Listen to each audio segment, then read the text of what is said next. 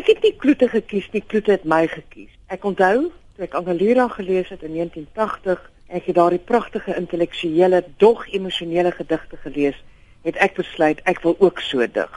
En sy tegniese beheer en sy aanwending van rym, sy gebruik van klank het my so geïmponeer en dit het 'n durende impak gehad op my digkuns en ook op die hele geslag van die jare 80. Ek dink hy het uitstekende gedigte geskryf en mense sou hom ten beste ook kan beskryf as 'n poet's poet, hoewel gewone mense ook gaande is oor sy gedigte. En natuurlik het Kloete 'n hele diggesprek rondom die figuur Marilyn Monroe begin en ons almal reageer op Kloete. So Kloete is eintlik 'n mentor vir 'n hele klomp jonger digters in Afrikaans. Al ons is almal nou nie meer so jonk nie, maar in daardie periode het die gedigte 'n groot impak gehad op 'n hele geslag. Johan Lodewyk Maree, ek self, Johan de Lange, Johan Meiburg.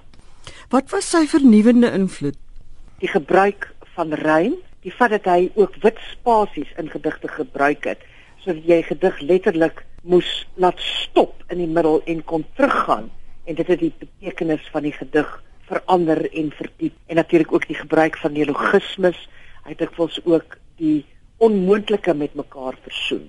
Jy skryf in hierdie hulde blyk dat die TT Kloete se werk het 'n handtekening. Wat was dit? Die gebruik van die intellektuele. Jy kan 'n Kloete gedig absoluut herken aan die spaars woorde, maar dan daardie ongelooflike juxtaposisie, die ongewone wat saamgesnoer word in 'n gedig. Die banale, die gewone, die alledaagse wat hy dan intellektueel verdiep.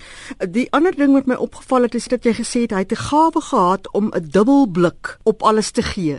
Ja, ek dink 'n gedig wat dit vir ons die beste illustreer is die beroemde gedig God die digter met 'n verwysing na Pablo Neruda. Chili is deur 'n digter gemaak. Hier kan jy nou absoluut die dubbelblik van Kloete sien, dat hy die wetenskap en die poësie saamdig en daarvan iets metafisies maak. Daar is meer poësie in die sneeuvlokkie as in die letterkunde en baie meer poësie in die miskryer en die toktokkie en die meteorologie en entomologie en die môremis en in die bergpiek.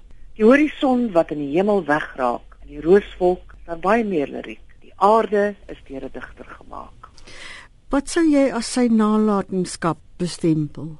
Kyk, Kloete was natuurlik nie net 'n digter nie, hy was ook 'n kortverhaalskrywer, hy was 'n dramaturg, maar hy was ook 'n uiters belangrike kritikus en die skrywer en samesteller van 'n glossarium van literêre terme. Met ander woorde, hy was 'n baie belangrike literatuurwetenskaplike en sy studie Trekkerswee en Joernaal van Jurk is 'n studie wat ek nog steeds bestudeer. Professor, jy het 'n gedig vir professor TT Kloete geskryf. In my jongste bundel Matrix het ek die volgende gedig vir Kloete geskryf. Dit heet Epifanie vir die digter van die heksta posisie. Huise uit sandsteen gewees, nestapyte uit sywurms gegis, soos wyn uit dryf gekap, verweef kap of gesting, tot 'n unieke klein gedig.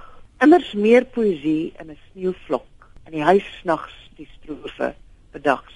Meer te broed oor die dood en Marilyn Monroe as van lewensbrood. Rympatrone gevind in die ontoelaatbare, die ongesegde met stilte gerinkink. In die huis van die digkuns was daar vele wonings. Huise uit sandsteen gegis, nestapyte uit sywurms gekap, soos wyn uit dryf geweer. Die digter, 'n allotroop stap jambies, ligvoets eenkant, onversadig verby.